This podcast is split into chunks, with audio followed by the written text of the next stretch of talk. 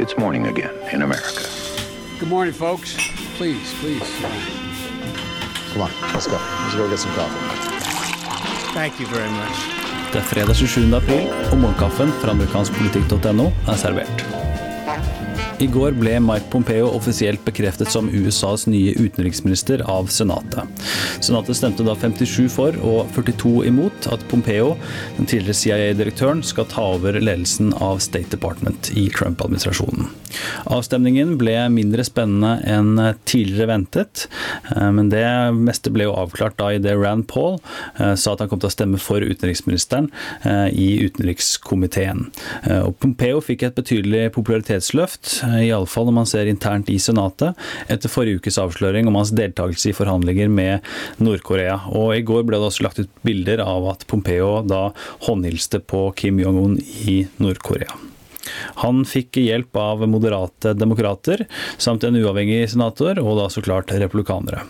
Hans første oppgave som utenriksminister blir å delta på et møte i Brussel med utenriksministre fra Nato.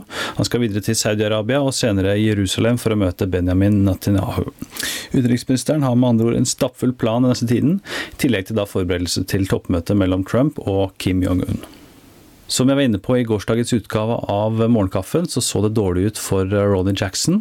Donald Trumps nominerte til å ta over krigsveterandepartementet, dvs. Si Department of Veterans Affairs. Eh, og jeg sa at støtten fra Det hvite hus nok var noe de eh, kom med, i påvente av at Jackson kunne komme til å trekke seg, etter at stadig flere replikanere sa at de ikke støttet Jackson. Så i går så trakk Jackson seg omsider, og det er jo da i kjølvannet har anklager om uprofesjonell opptreden fra en rekke ulike kilder. Trump kommenterte dette i går med bl.a. å si at anklagene mot Jackson var falske, eh, og at han er en, en bra kar.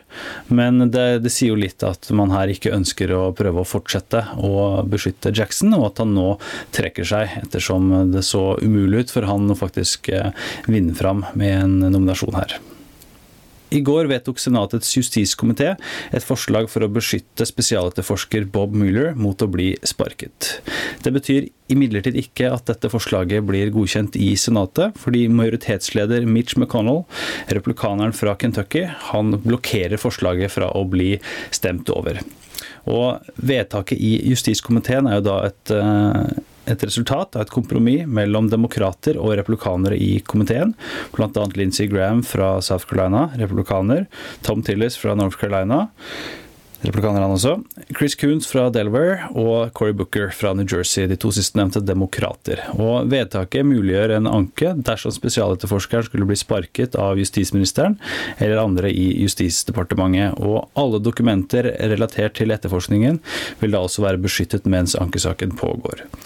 Lindsey Graham uttalte under høringen til komiteen at vedtaket verket handlet om Trump eller Mueller, men om den amerikanske rettsstaten.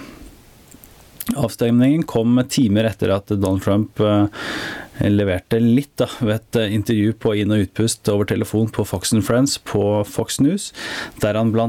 nevnte at han kunne komme til å endre sin avgjørelse om å holde seg unna Russland-etterforskningen. Og intervjuet fikk eh, minoritetsleder Chuck Schumer, demokraten fra New York, til å komme med en oppfordring til Senatet om å stemme over det her, når man ser hva Trump faktisk sier om denne etterforskningen. Ukas siste utgave av Morgenkaffen er servert av Eirik Haugen og undertegnede Are Togflaten. Du leser mer om disse og andre saker på amerikanskpolitikk.no. Dersom du hører på i iTunes, skriv gjerne noen ord og gi oss så mange stjerner du føler vi fortjener. Setter også stor pris på om du går til ampol.no kaffetips, finner linken i podkastappen din.